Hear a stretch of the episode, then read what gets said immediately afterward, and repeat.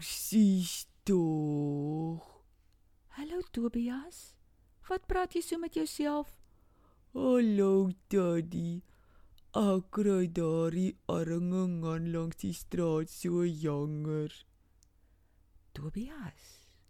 Kan ek vir jou 'n storie vertel van iemand vir wie Jesus ook so jammer gekry het? Ek luister, ek luister. Een Sabbatdag. Dit is mos nou eintlik 'n Saterdag. Toe was Jesus by die sinagoge, die kerk. En het vir die mense vertel van God. Daar was 'n klomp mense. Natuurlik was van hulle Fariseërs en skrifgeleerdes. Die kerkmense wat baie ernstig was daaroor dat God se wette gehoorsaam moet word.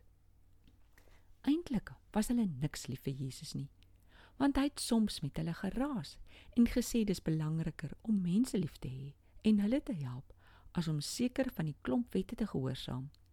Want party van hierdie wette het hulle sommer self bygesit. Die Fariseërs het ook heeltyd gekyk of hulle nie dalk vir Jesus kan uitvang dat hy iets teen een van die wette doen nie. Het daar iets gebeur in die sinagoge? Sinagoge. Ai, moeilike woord. Tobias, jy kry die woord sommer mooi gesê. Ja, die oggend toe Jesus daar instap, glimlag die Fariseërs onderlangs. Hoekom? Tobias, dit was 'n skelm glimlag. Hulle het geweet die oggend was daar ook 'n man met 'n gebreklike hand in die sinagoge.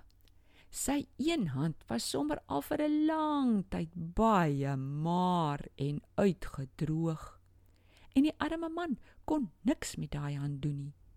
Die Fariseërs het geweet Jesus kry mense maklik jammer.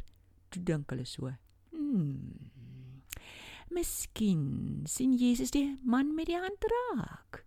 Dan wil hy dalk die man se hand gesond maak en hmm, dis mos vandag die Sabbat en niemand mag enige werk vandag doen nie.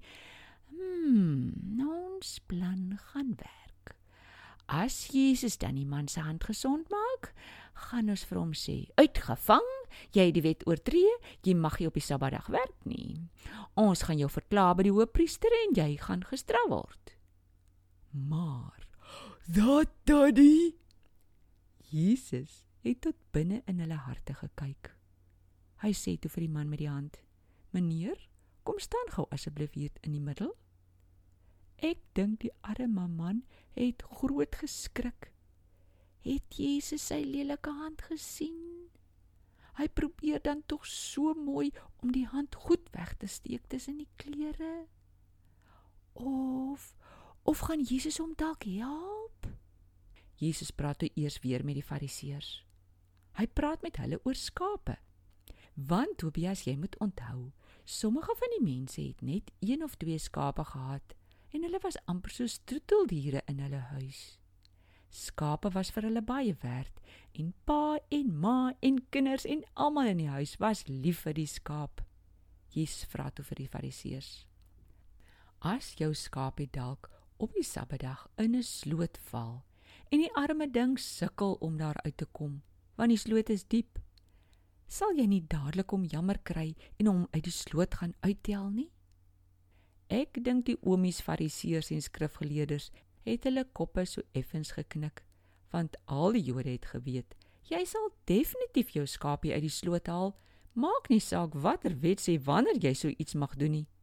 Dalk as jy tot vanaand wag as die skapie al dood in die sloot. Toe hulle nou so hulle koppe knik en dink aan hulle skapies by die huis, toe sê Jesus: "Dan mag ons mos op 'n Sabbatdag goed doen en mense help en red." Of gaan ons op 'n Sabbatdag mense seermaak of doodmaak? Jesus wag so 'n bietjie. Maar die oomie sit net met stywe nekke en stywe bolippe en praat nie 'n woord nie. Jesus het toe so hartseer geword. Hy was sommer kwaad oor die oomies die wette liewer gehaat het as vir mense. Hulle die arme man met die gebreklike hand niks jammer gekry nie. Hulle wou hom eerder gebruik om vir Jesus uit te vang dat Jesus gestraf moet word. Dis so hartseer, Tannie. ons is ook soms liewer te dinge en ons eie planne as ter ander mense.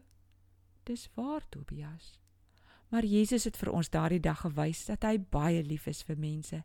Hy praat toe weer met die man met die hand en sê: "Steek jou hand uit." Ek dink die arme man het sommer so lam geraak en gedink: "Nee, nie voor al hierdie mense nie.